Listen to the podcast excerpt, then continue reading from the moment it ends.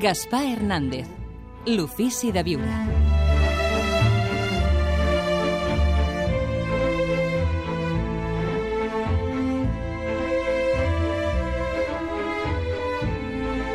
Avui a l'Ofici de Viure, emocions i salut. Les emocions són els impulsos bàsics que mouen tot ésser viu a l'acció. I en essència són dues, les que ens porten a defugir el dolor i les que s'inclinen cap al plaer.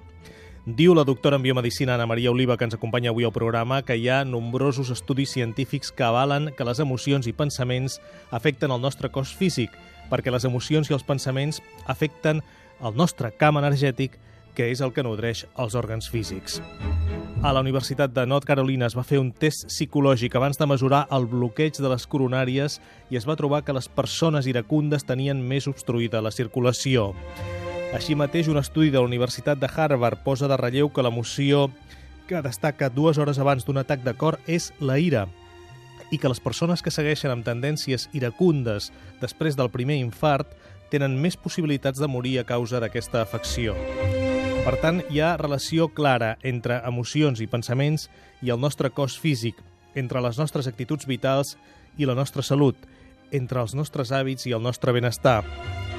Diu el doctor Miquel Masgrau, que també ens acompanya avui, que la ment actua com una caixa de ressonància que pot amplificar o minimitzar, per bé o per mal, les sensacions del propi cos. Les emocions, entre cometes, negatives, com la ira, l'ansietat, predisposen a emmalaltir, empitjoren els símptomes, perllonguen la recuperació i els estats mentals positius, l'optimisme, per exemple, afavoreix la salut, crea les millors condicions per la recuperació. Es demostra, doncs, la influència dels estats mentals sobre la salut del cos i la relació entre el sistema nerviós i el sistema immunològic. Per la saviesa de l'antiga Xina, les emocions s'han de considerar en el conjunt de la persona – relativitzar-les, treure'ls protagonisme, no deixar-se dominar. Des d'aquesta perspectiva, les emocions no s'ignoren ni es reprimeixen, sinó que s'identifiquen i es canalitza la seva energia cap a activitats creatives. Avui a l'Ofici de Viure parlem del vincle entre emocions i salut. Daniel Goleman. La meditació Mindfulness ha demostrat l'habilitat per inhibir els impulsos emocionals.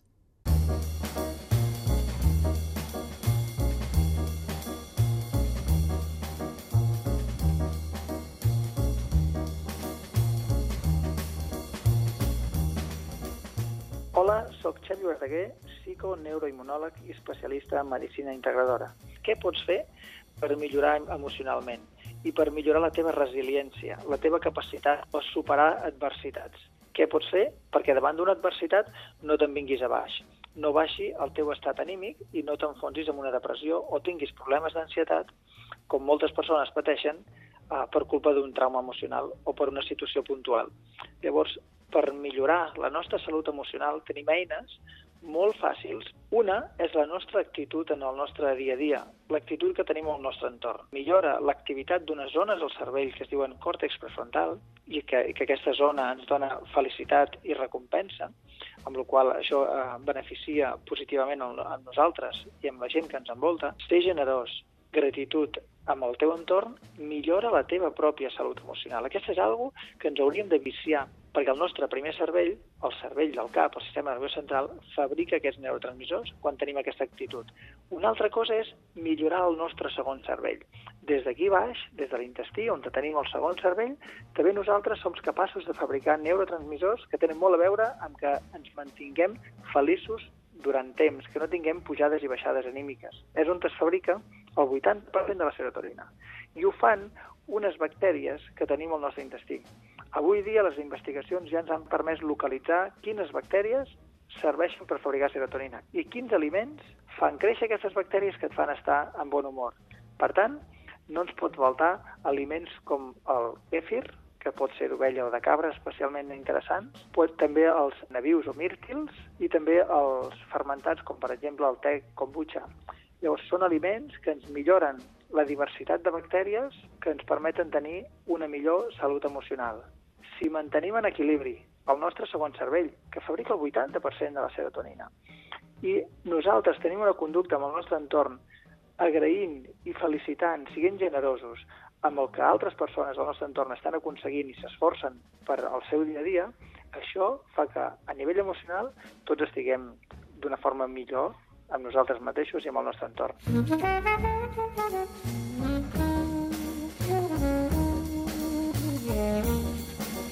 Thank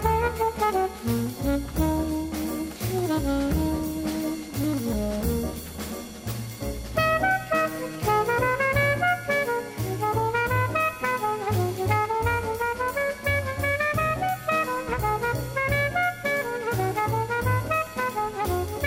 Avui a l'Ofici de Viure parlem del vincle entre emocions i salut i ho fem amb el doctor Miquel Masgrau. Doctor Masgrau, ben retrobat. Gràcies Hola, per ser un mes més a l'Ofici de Viure i la doctora en biomedicina Ana Maria Oliva. Eh, benvinguda, Ana Maria. Ana Maria Oliva, autora de Lo que tu luz dice. El seu web és anamariaoliva.es i suposo que ha pogut veure moltes vegades, bé, que ho veu cada dia, de forma tangible, veu, la, veu les imatges del vincle entre les emocions i la salut. Uh -huh. És part de la meva feina, sí. I ho visc amb mi mateixa. No és només que observi des de fora, sinó que també ho observo des de mi mateixa. Però sí, és clar, és evident que, el, que les, les emocions són una part de, de nosaltres i l'energia és una altra part de nosaltres. Tenim una estructura física que la coneixem molt bé, tenim una estructura energètica que no la coneixem tan bé i, evidentment, tot està lligat. I, i els processos emocionals es reflecteixen tant en la part energètica com en la part física. Dels aparells que utilitza vostè, mm. eh, quins són els que, o quin és el que reflecteix de forma més clara aquest vincle? Eh, pràcticament des de qualsevol eina ho, ho pots veure, sempre que entenguis quin és el llenguatge del cos. Però BioWell, per exemple, és molt fàcil d'entendre quina és l'emoció, perquè veus determinades àrees del cos que estan desprotegides i llavors veus quin és el, el patró emocional que, aquest, que té aquesta persona. No? La- I, i la finalment, GDB. La GDB, sí. Sí. La GDB o, o BioWell és el mateix, és el, el mateix gos amb un, altre, amb un altre nom, no?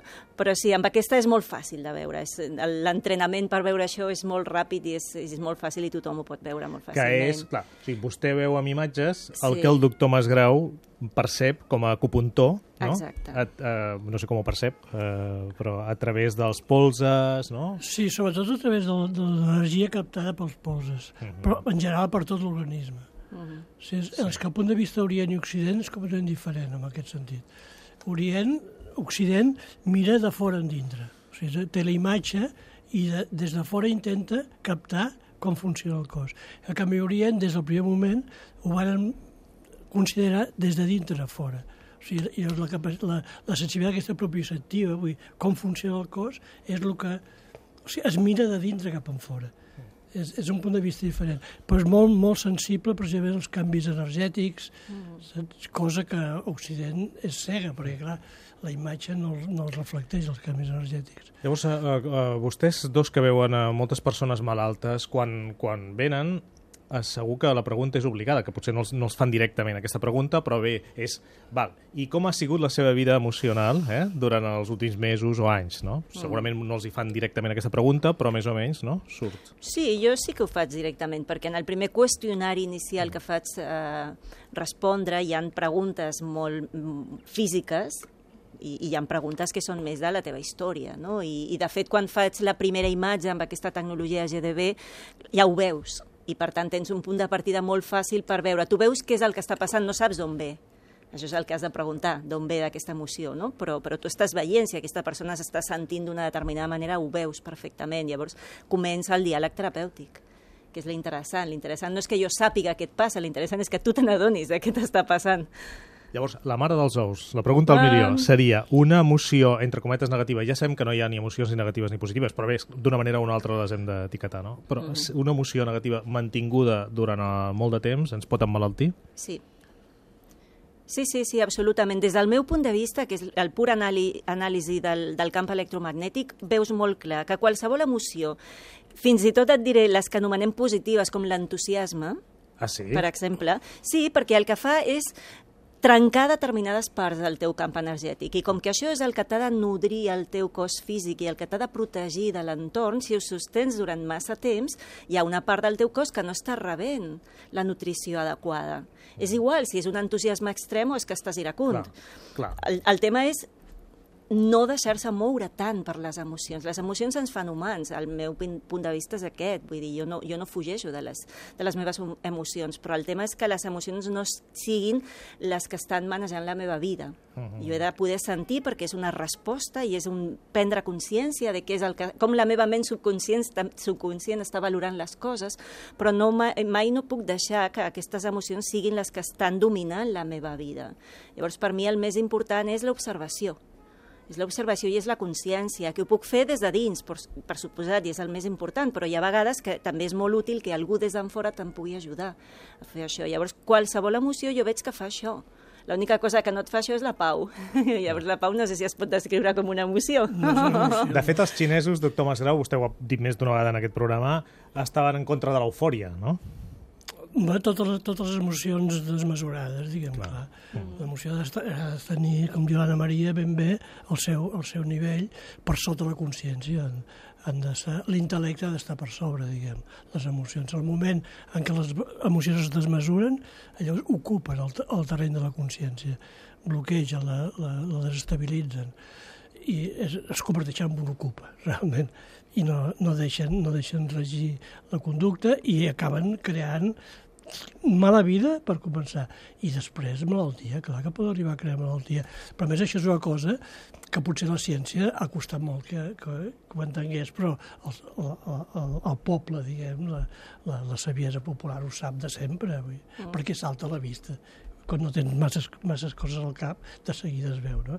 A vegades, quan tens molts, molts, molts conceptes, molts pre, preconceptes, aleshores se pot escapar, però és evident, eh, eh, un disgust o una eufòria, perquè, eh, per exemple, els, els morts aquests dels camps de futbol són quan aquests infarts de, de, dels, dels hinxes so, és quan el, el seu equip fa el gol, és precisament, saps? No, normalment, estadísticament, no és quan, quan estan perdent de molt, sinó quan, quan hi ha una tensió, fa un, fa un gol, guanya i llavors és...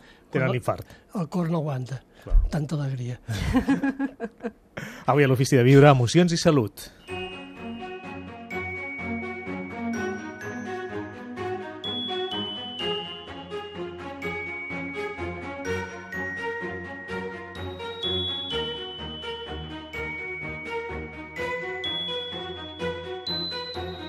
Redford Williams.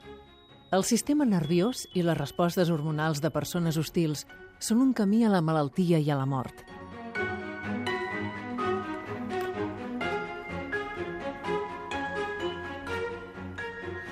Segons un estudi de la Duke University, a uns 2.000 treballadors que havien passat un test psicològic 25 anys abans en què es mesurava el seu nivell d'hostilitat, aquest informe va revelar que havien mort un 20% dels més tranquils i un 30% dels més rabiosos.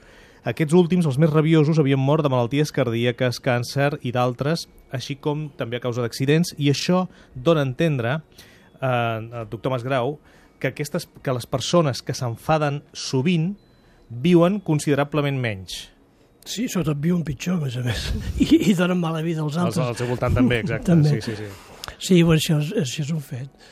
Sí, però no només això, sinó les persones angoixades, les persones que tenen les depressives, és a dir, els estats emocionals, quan la vida està dominada per un estat emocional, és, és un, genera malaltia, vaja, és que això, la medicina xina està super, super ben, a més, eh, ben especificat quin tipus de trastorn crea cada, cada, cada emoció. Cada, les emocions bàsiques són, van per famílies i tenen, estan incloses en circuits energètics. Mm. Perquè el que és interessant d'això de, de que estem parlant avui és, és la, la, la importància de treballar a partir de lo subtil.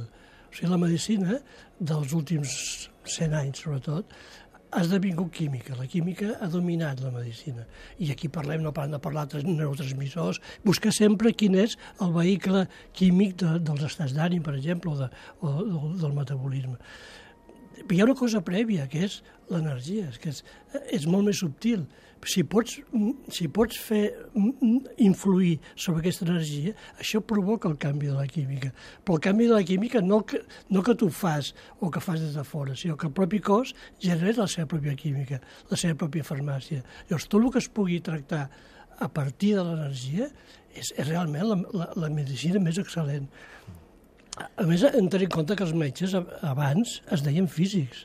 Sigui, és, és últimament que la, que la medicina ha perdut aquest contacte amb la física. I encara els anglosaxons parlen de, de físics, sí. no, els metges, no? I aquí no, aquí ens hem fet iatroquímics i estem posant química a tot arreu que aviam, que està bé també de vegades, eh? Vull que també a vegades va molt bé la química, però a vegades, eh? No. Quan, la, quan la dones sistemàticament fa, pots arribar a fer més mal que bé. Clar, l'important per mi sempre és entendre, jo penso que cap aquí moltes vegades d'arrogància, de pensar que nosaltres sabem fer-ho millor que el propi cos. I, I penso que moltes de les actuacions terapèutiques que fem externes, d'intentar controlar des de fora, d'intentar afegir coses, és perquè realment no confiem en la capacitat del cos d'autoregular-se, perquè no l'hem entès. Però en el moment que comences a entendre que realment el cos és capaç d'autoregular-se d'una forma que nosaltres ni tan, no, no podem ni somiar. Clar. Llavors és quan te n'adones que és millor donar-li al cos allò que necessita perquè ell s'autoreguli Sí, que sí. no està autoregulant-lo des de Exacte. fora. I aquest penso que és el gran pecat que tenim nosaltres Clar. com a, com a medicina occidental, haver Clar. perdut aquesta consciència. Hem perdut la consciència de que el cos està dissenyat per curar-se ell mateix. O sigui, no està dissenyat per estar malalt, el cos. Mm. Quan està malalt és que en fem alguna cosa malament. O sigui, ell sol té tendència, i més contínuament, s'està regenerant contínuament. Estem en un procés de, Aleshores, de sanació, diguem. pels oients malalts que ens estan escoltant en aquests moments o que tenen familiars malalts, eh, el, el, el doctor Masgrau, recordo que més d'una vegada el que ha recomanat és no, no molestar el cos in- amb, amb segons quines emocions. És a dir, la, la, si el cos està malalt i a sobre nosaltres ens carreguem de por, eh, d'angoixa, o la por de les properes proves, o el diagnòstic, que no sé què, o el pronòstic també, eh? hi ha molts pronòstics també mèdics, no?, que diuen no, què Bueno, pot passar. Són pronòstics que són fatals, clar, perquè et diuen que t'has de morir amb morts del susto. Saps? Sobretot si t'ho diu una màquina, clar. Mm, És a dir, Que les màquines per això no, no ho diuen, no? Que No. t'has de morir. Sí, sí que ho diuen, sí. Diuen, veure una imatge, un atac allà i t'has de morir. I moltes vegades s'equivoquen, per sort. Poques, però a vegades s'equivoquen, clar. Un estudi de la Universitat de Califòrnia que va recopilar dades de 100 treballs que relacionaven emocions i salut va concloure que les persones negatives, pessimistes, ansioses i irritables tenien el doble de possibilitats de patir una malaltia greu. Des d'Orient, diu el doctor Masgrau, es podria veure l'inrevés, que les persones que estan als inicis de desenvolupar una malaltia greu són pessimistes, ansioses i irritables, etc. És a dir, que aquest estat alterat emocional ja és l'origen de la malaltia. I estaria d'acord, Ana Maria Oliva? Absolutament. Sí. Des d'un punt de vista energètic, per allò que et deia, de, de que si no hi arriba la nutrició, començant per l'energètica, no hi ha res a fer, però també per la bioquímica, perquè de fet és part de la nostra cultura entendre-ho així. Jo me'n recordo del treball de Lacan Despert, que parlava de les molècules d'emoció i que va ser una miqueta, com a mínim per mi, allò que t'obre els ulls i te n'adones, és que les cèl·lules estan menjant aquestes emocions que, que tu estàs produint, perquè no deixen de ser químics que van per sang. Llavors, d'alguna manera, en comptes d'estar rebent vitamines o, o, o els nutrients que necessites, estan rebent aquelles molècules d'emoció, d'ira o de frustració o de por, i llavors, literalment, les meves cèl·lules estan dinant, esmorzant i sopant allò que jo estic sentint. Llavors, és obvi que que, que te'n malenteixes, és obvi. Hem tingut eh, alguns comentaris interessants al mur del Facebook de l'Ofici de Viure que podeu consultar sobre emocions i salut. La Raquel diu que té la certesa que les emocions van lligades a la salut, que les nostres emocions, els nostres pensaments no només ens fan sentir, sinó també ser. Uh, si canviem el pensament cap al positivisme, les emocions milloren i la salut també. Bé, agraïm aquest optimisme de la Raquel. Uh, això és, és, és uh, així, però suposo que hi voleu fer algun matís també, no? Perquè ho dic perquè eh, no, suposo que no n'hi ha prou amb sentir-se bé i happy com perquè la resta millori. Bueno, és que també, mm, parlant d'aquesta arrogància nostra, cultural, hem de tenir en compte que no hem de pretendre tant curar com crear les condicions perquè es doni la curació. Llavors, un estat d'ànim positiu, com diu optimista, ajuda. Perquè, en definitiva, el, el, el, nostre... No són pas tan complicats com sembla. Dir, ja tenim dos sistemes bàsics del cos, que és el sistema simpàtic i parasimpàtic. El sistema simpàtic és, és el de l'acció, el de, que, el de la, el que, el de, de l'alarma, de, de, de la defensa. No? El, el parasimpàtic és el de la recuperació. Llavors, moltes vegades l'únic que cal fer, és a dir, no moltes vegades, sempre, en qualsevol circumstància, la, la curació comença per entrar en el programa del, del parasimpàtic. És a dir, deixar que el cos es vagi fent ell mateix. Si treu les tensions que va creant el sistema simpàtic, llavors els estats aquests positius d'optimisme, d'ànim, de, de generositat, d'agraïment, d'obertura, d'amor, diguem, això és el que més cura, és, és l'estat favorable que predisposa la curació. I aquest és l'estat que s'ha de fer. I aquest, això sí que és una norma general. Ah, després, el medicament que puguis prendre, la cosa, això també, vull dir, però això és una cosa específica. Però l'altre és el context en el qual es pot donar la, la curació. I, de fet, aquestes medicines alternatives, el que pretenen, i moltes vegades l'efectivitat la tenen precisament a partir d'aquí, de que posen el cos relaxat i en, posició, en situació de que el sistema nerviós vegetatiu vagi a fer la seva feina, que es curi ell mateix. Cada cop són menys eh, alternatives i més complementàries. Eh? Clar, clar, és que de fet són complementaris, són punts de vista complementaris, clar. És el mateix que passa quan tens una grip, no? Que et diuen, si et prens medicació et durarà set dies i si no te la prens una setmana. Vull dir, és igual. L'important és que és, has de parar. Has de parar, descansar i entrar en aquest mode de reparació i deixar que el cos ho faci ell mateix. No? I una cosa interessant d'aquest comentari que, que has llegit, jo penso que, que de fet, les emocions és molt difícil que les canviem, perquè tu estàs sentint una cosa i estàs allà enroscat en aquesta emoció i com pares aquesta emoció? Has de crear, has de generar, has de prendre estratègies que t'ajudin i per mi, per exemple, l'estratègia més fàcil ve a través de la ment, perquè si jo acons- aconsegueixo canviar el meu pensament, llavors és quan començo a canviar el sentiment o la emoció que ve associada a aquell pensament, perquè si no és molt difícil, tu estàs enroscat en una ira i com fas per treure't la ira? Si no és que comencis a pensar o desviar la teva atenció cap a una altra cosa. Llavors, aquest optimisme, aquesta forma de pensar més positiva, clar, t'ajuda a treure't de les emocions que no has de tenir, però és que de quina altra manera pots fer-ho? Clar.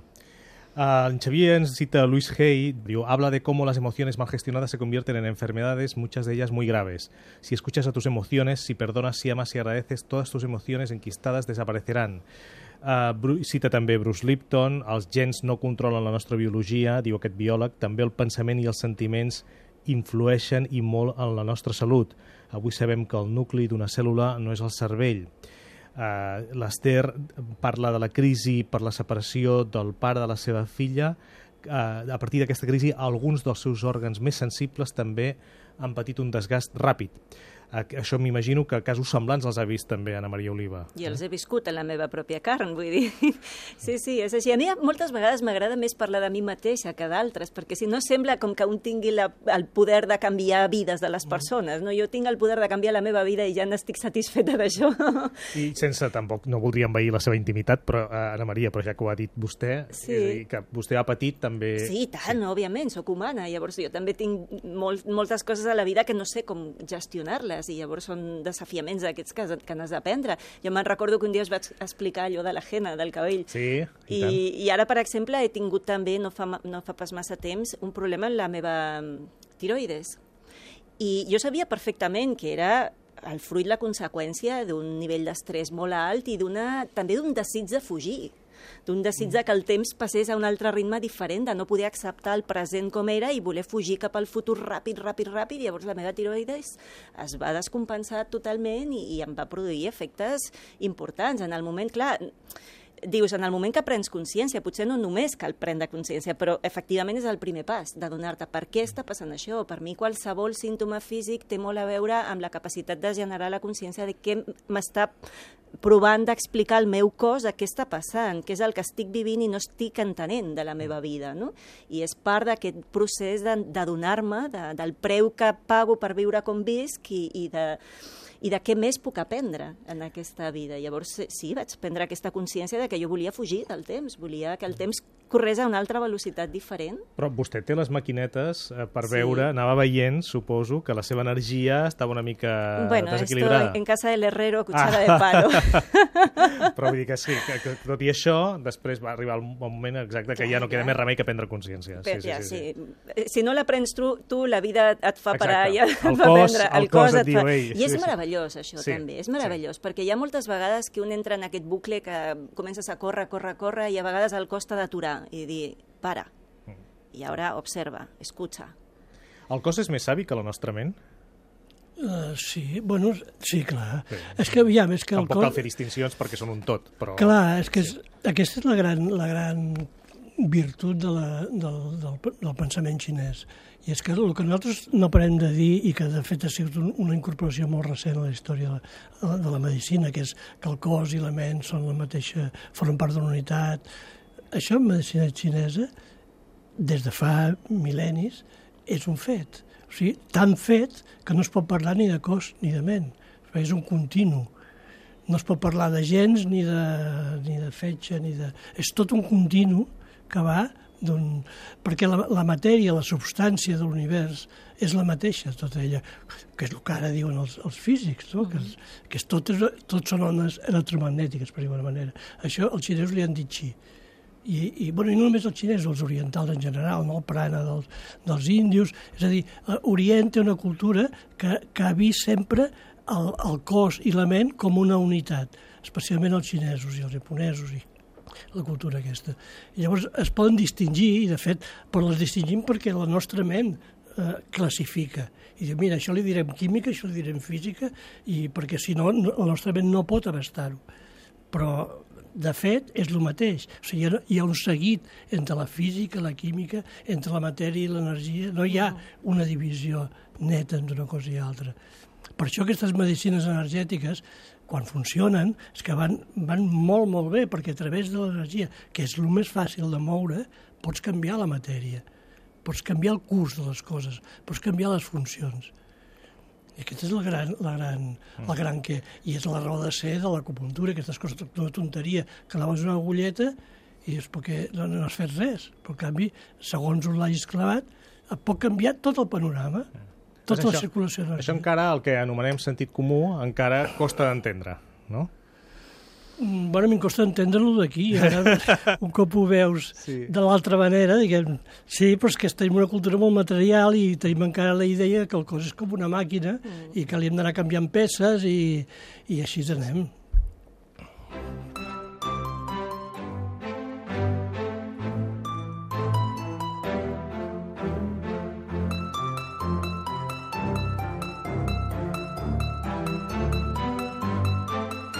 Doctor Miquel Masgrau. Els éssers humans estan sotmesos a un continu matrellament d'impactes emocionals, com mai a la història.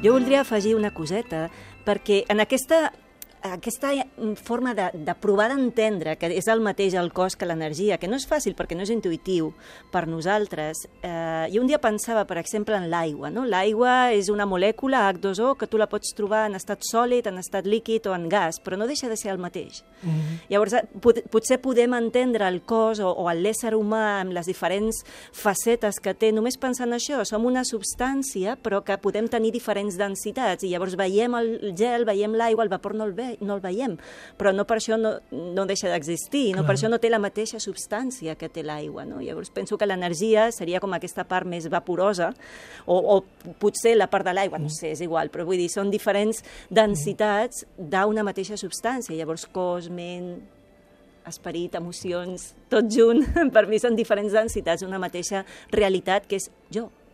Al mur del Facebook de l'Ofici de Viure poden, els oients que ho vulguin poden llegir eh, més comentaris dels que hem esmentat també sobre el programa d'avui, Emocions i Salut, el testimoni de la Carolina, per exemple, que parla de la indigestió emocional que ha causat, diu, tres tumors a la seva mare, dos a la seva germana i un al seu pare, i tothom salvat a partir d'un flux d'amor i d'arribar a l'enteniment. I dona més detalls en aquest comentari que els oients que vulguin poden poden consultar. Indigestió emocional. És un concepte nou, no? aquest no l'havíem sentit encara. En Miquel Masgrau diu que la nostra cultura oscil·la entre la hipertròfia emocional o la negació i repressió i en, en dos casos deixen de ser un component més de la vida per prendre un protagonisme desmesurat, sigui en positiu o en negatiu. Quan se'ls hi, va, eh, se hi fa massa cas, diu el doctor Masgrau, a les emocions o s'hi va en contra, contaminen el pensament i la vida psíquica i afecten la salut. Per tant, què faríem les emocions? Bueno, és que estem vivint un, un temps molt complicat per als humans.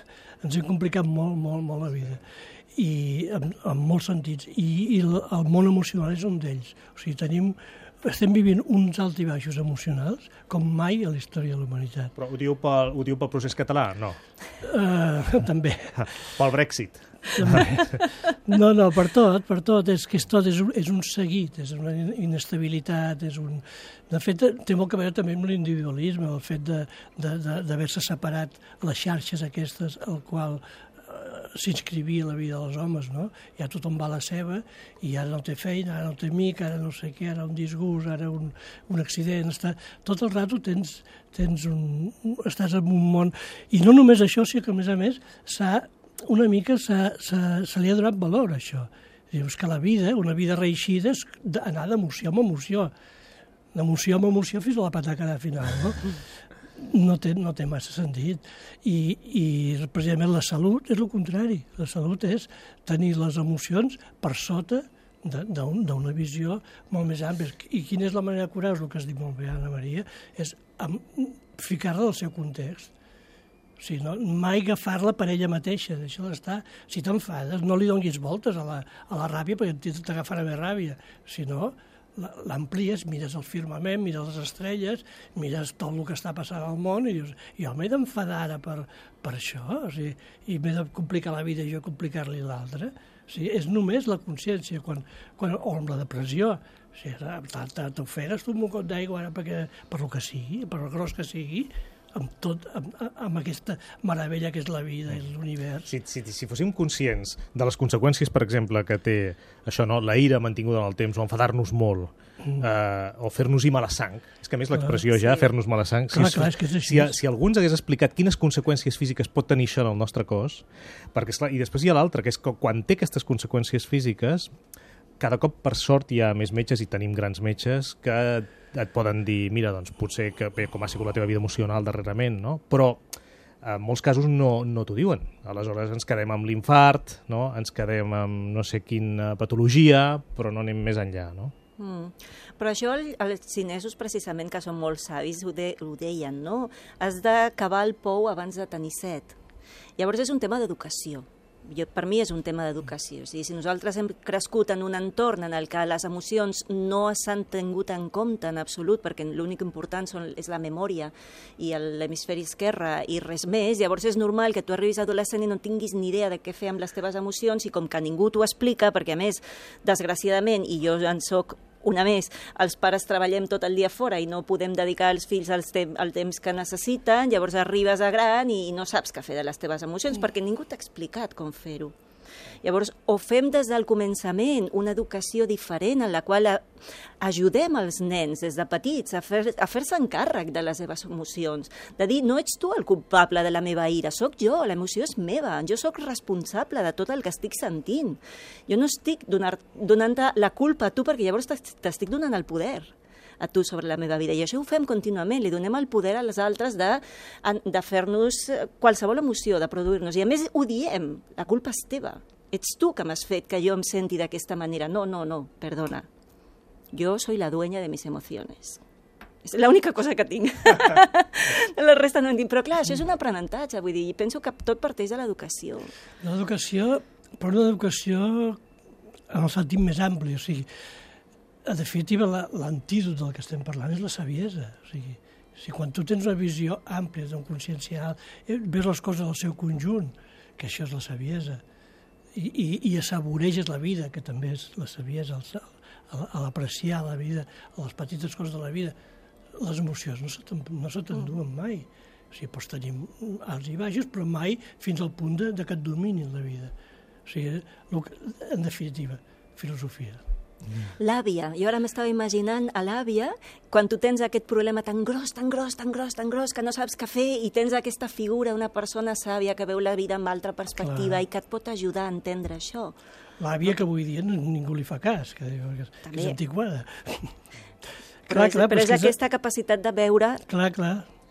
Bé, i després també hi havia la família, i la, la religió i la família també eh, actuaven una mica com a, com, a, com a paraxocs emocionals, com a contenidors emocionals. És a dir, aquesta visió més àmplia també ens la donava sovint la família. La família, sí, la xarxa de familiar sí. que, que, que protegia molt. I la religió, és que la nostra religió eh, eh, sempre ha sigut molt poc espiritual, diguem. Ara, ara fent amics, sí, sí. No, bueno, no, no, ens, Poc espiritual en quin sentit? En quin sentit? no comparat amb, amb, altres, amb altres religions, diguem, no? amb, alt, o amb altres espiritualitats, com, com és l'oriental, no? molt més directa.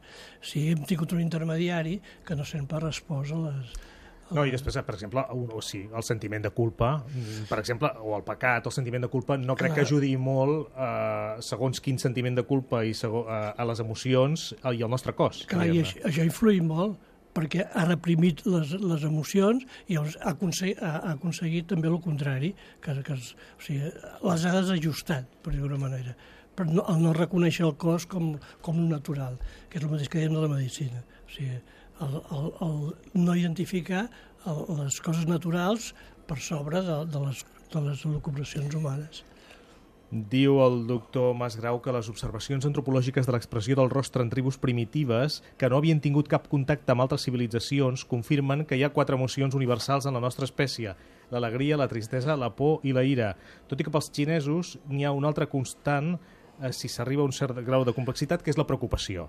Llavors, vosaltres això també suposo que ho heu vist a la consulta, que la preocupació sostinguda en el temps també té conseqüències físiques. Per exemple, la por, no? I la preocupació, la por de perdre la feina, la por, no? La por és molt, pot, ser, pot ser molt tòxica. Sí, és molt tòxica. És, és sempre.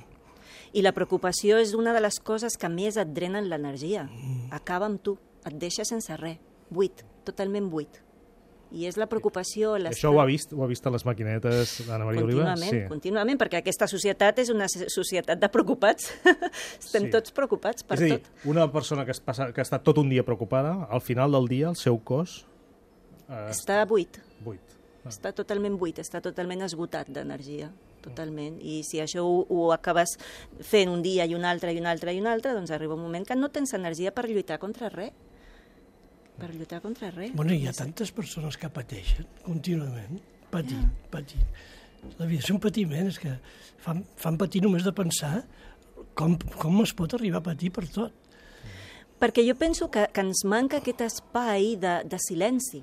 Jo, jo contínuament reivindico això, no? Si en alguna cosa hem d'invertir esforç, temps, diners i el que calgui, és en meditar i en fer aquest espai de silenci interior, de dir, poso distància de la meva vida, només em poso com un observador, no, no, no dic que deixi de pensar, o que, és igual la tècnica que cadascú pugui utilitzar, però com a mínim com sigui, que jo pugui posar aquesta distància.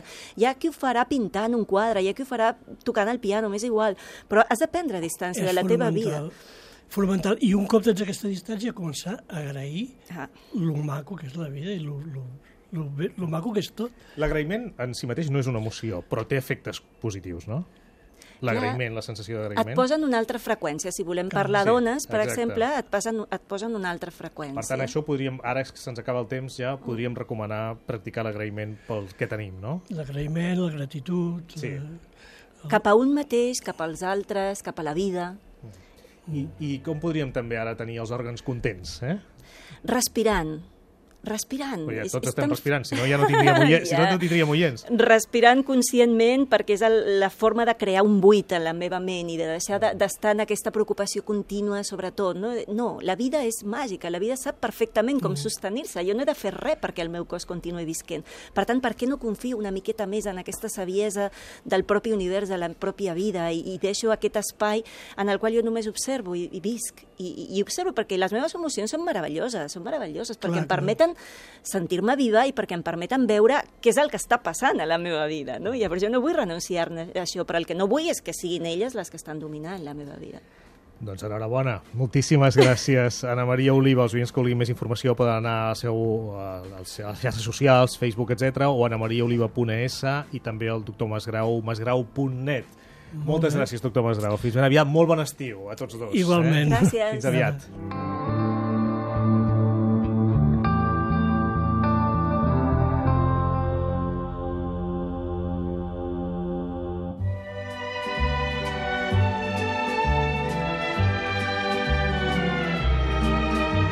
Sovint ens preguntem a l'Ofici de Viure si els mitjans de comunicació estem millorant o estem empitjorant la societat. Bé, hi ha de tot, no? I per sort a Catalunya tenim grans tresors com són Catalunya Ràdio i TV3. Però sigui el que sigui el que estem fent els mitjans, a l'Ofici de Viure ens proposem posar un gra de sorra, posar una llavor que serveixi per contribuir a millorar el món. si ho estem aconseguint o no, això ho han de dir els nostres oients. Sí que tenim molt present la frase de Gandhi sigues tu el canvi que vols veure al món. L'ofici de viure amb Gaspar Hernández. Un programa sobre conducta humana. Donar amor i, si pot ser, rebre.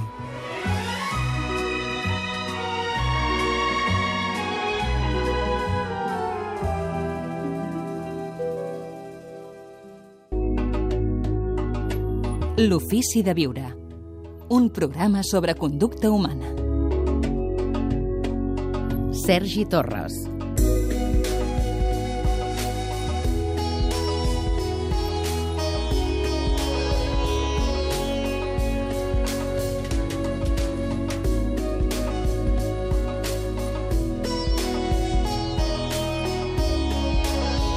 Avui a l'Ofici de Viure, com cada setmana, en Sergi Torres, avui parlant-nos del fet de deixar anar, d'acomiadar-nos de les coses. Uh, Sergi, benvingut. Gràcies, Estàs Gaspar. parlant de coses, de persones, de situacions, de què? Qualsevol cosa, situació, qualsevol persona. És, és un gest intern, deixar anar, alliberar. Cada quan ho hauríem de fer, això? Jo crec que és, és, és un, un, un hàbit constant. No? És, és una disposició, una disposició que neix o no neix. Neix, què vols dir? Neix en cada és a dir, moment. ne- neix en cada moment, però neix de dintre o no perquè tenim por de deixar. És a dir, ens- ens establim en el que estem acostumats a viure, ens establim amb les persones que tenim al costat, invertim tant en allò que ens rodeja que tenim por de perdre-ho, perquè sentim que perdem un tros de nosaltres. Per tant, deixar anar, en realitat, ens porta a un espai de nou d'integritat personal i de llibertat cap a un mateix i cap als altres. Llavors, la pregunta del milió seria quan hem de deixar anar i quan no hem de deixar anar? De fet, eh, és, és, un hàbit, és un hàbit, deixar anar és un hàbit, però és molt obvi, és molt obvi quan en qualsevol situació de vida ens hem d'esforçar per retenir alguna cosa, ens hem d'esforçar perquè quelcom no marxi, perquè quelcom no desaparegui, perquè algú no ens deixi. Quan jo em veig a mi mateix esforçant-me o patint perquè algú o alguna cosa s'acaba, aleshores sé que he d'alliberar-me, perquè no té cap sentit que jo pateixi enfront a una situació. Això és aplicable a tot? És a dir, aquest esforç que de fet està tan ben valorat en la nostra cultura, no? la cultura de l'esforç, vaja, nosaltres som fills d'aquesta cultura de Exacte. l'esforç i que té moltes coses positives també, no? És la cultura de l'èxit, no? Però tu creus que aquest diagnòstic que ens feies és aplicable a tot? Quan veiem que estem esforçant-nos massa, probablement ens ho hem de replantejar? Sí, de fet, si tu te'n dones compte de que t'estàs esforçant per retenir una cosa, tu perds de vista el temps natural de la vida. És a dir, a lo millor aquella relació amb aquella persona ja ha acabat, però tu no ho saps perquè tu estàs lluitant perquè no s'acabi. Per tant, si tu la deixes anar, veuràs si aquella situació s'acaba o no s'acaba, perquè entres en ressonància o en coherència interna, et poses als, en, en sintonia amb la vida de nou, deixes de lluitar. Viure i lluitar són oposats. I això és una que no ens donem compte perquè, com deies, la nostra cultura és la cultura de l'esforç i de la lluita per aconseguir coses que no estem vivint actualment, quan en realitat la vida només té lloc en el present. Bé, i llavors ve l'altra cara de la moneda, que és gràcies al fet de deixar anar, donem la benvinguda a coses noves. Exacte, obres tot un món en el que el mateix hàbit de deixar anar et porta a un hàbit de donar la benvinguda a coses noves, que molt sovint també ens fa por. Ens fa por deixar anar i ens fa por donar la, la, la, donar la benvinguda a altres persones, altres feines, altres situacions noves. Això es veu molt amb, amb els amics, no? Quan pensem en amistats, sobretot, i ho pensem retrospectivament, a una certa edat veiem que, bé, que han, anat i vingut molts, no? Començant pels d'escola, per exemple, no? Exacte. I hi ha, hi ha hagut, diguem-ne, sí, en aquest sentit, una, una selecció natural i han anat i venint. Exacte. I, de fet, molta gent que viu una transformació personal profunda em diu, curiosament, la majoria, que molts amics desapareixen de la seva vida i molts altres venen. Per tant, hi ha una espècie de consciència, anem a dir-ho així, que està movent el fil. Perquè en realitat, de nou, el que veiem a fora és una projecció de nosaltres mateixos. Si nosaltres canviem, és lògic que el que està al voltant canvi. Per tant, no necessito ni tan sols canviar-ho jo. No necessito que alguna cosa s'acabi, fer-la acabar, ni necessito no eh, seguir lluitant perquè alguna cosa sa- no s'acabi. És un fluxe que ens creua i de nou no en som conscients. Recorda que som una expressió de vida. I a la vida comencen les coses i s'acaben. Vivim en un món que no, no és permanent. En un món dual de naixement i de mort. I no estem habituats a viure des d'aquest prisma. Les seccions també s'acaben, s'acaba aquest espai amb en Sergi Torres i estaria molta més estona. Moltes gràcies, Sergi. Els oients que vulguin més informació poden anar al seu web, poden llegir el seu llibre Saltar el vacío, poden buscar a YouTube els molts vídeos en què en Sergi té, sobretot té més temps. Eh? Fins la setmana que ve.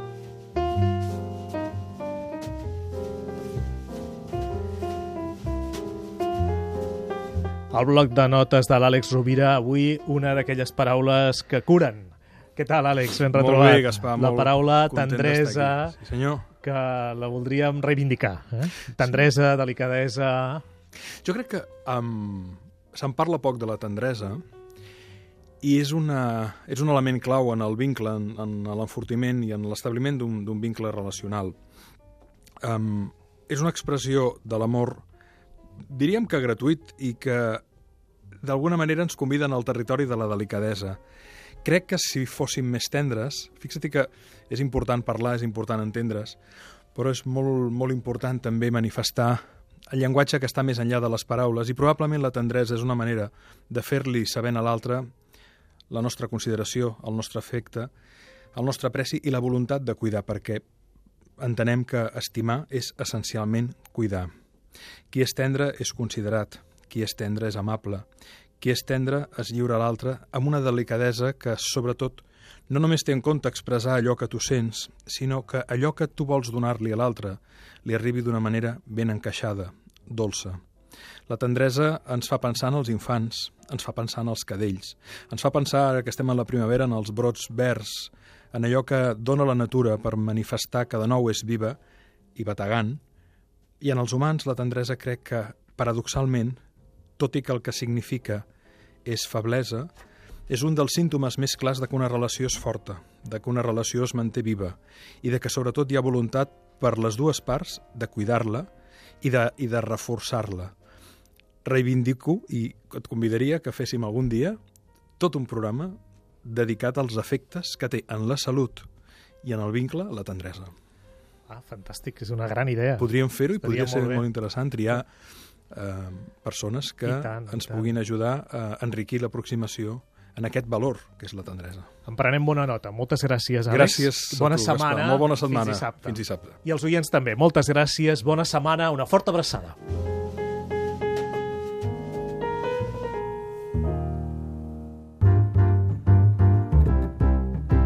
L'Ofici de Viure el fem l'Elisabet Pedrosa, el guió i la coordinació, l'Eduard Nas a la realització tècnica. Moltes de les musiquetes que senten els oients de les sintonies són escollides per l'Eduard Nas. El fem més de 50 col·laboradors, psicòlegs, filòsofs i sobretot el feu vosaltres, els oients. Tot i que cada vegada que fem l'Ofici de Viure no pensem en oients en abstracte, en milers d'oients, sinó que pensem en un oient, pensem en tu. Feu podcasting allà on aneu amb l'Ofici de Viure. Al web catradio.cat teniu tots els Ofici de Viure mesos a la vostra disposició per escoltar sempre que vulgueu. L'Ofici de Viure amb Gaspar Hernández. Un programa sobre conducta humana.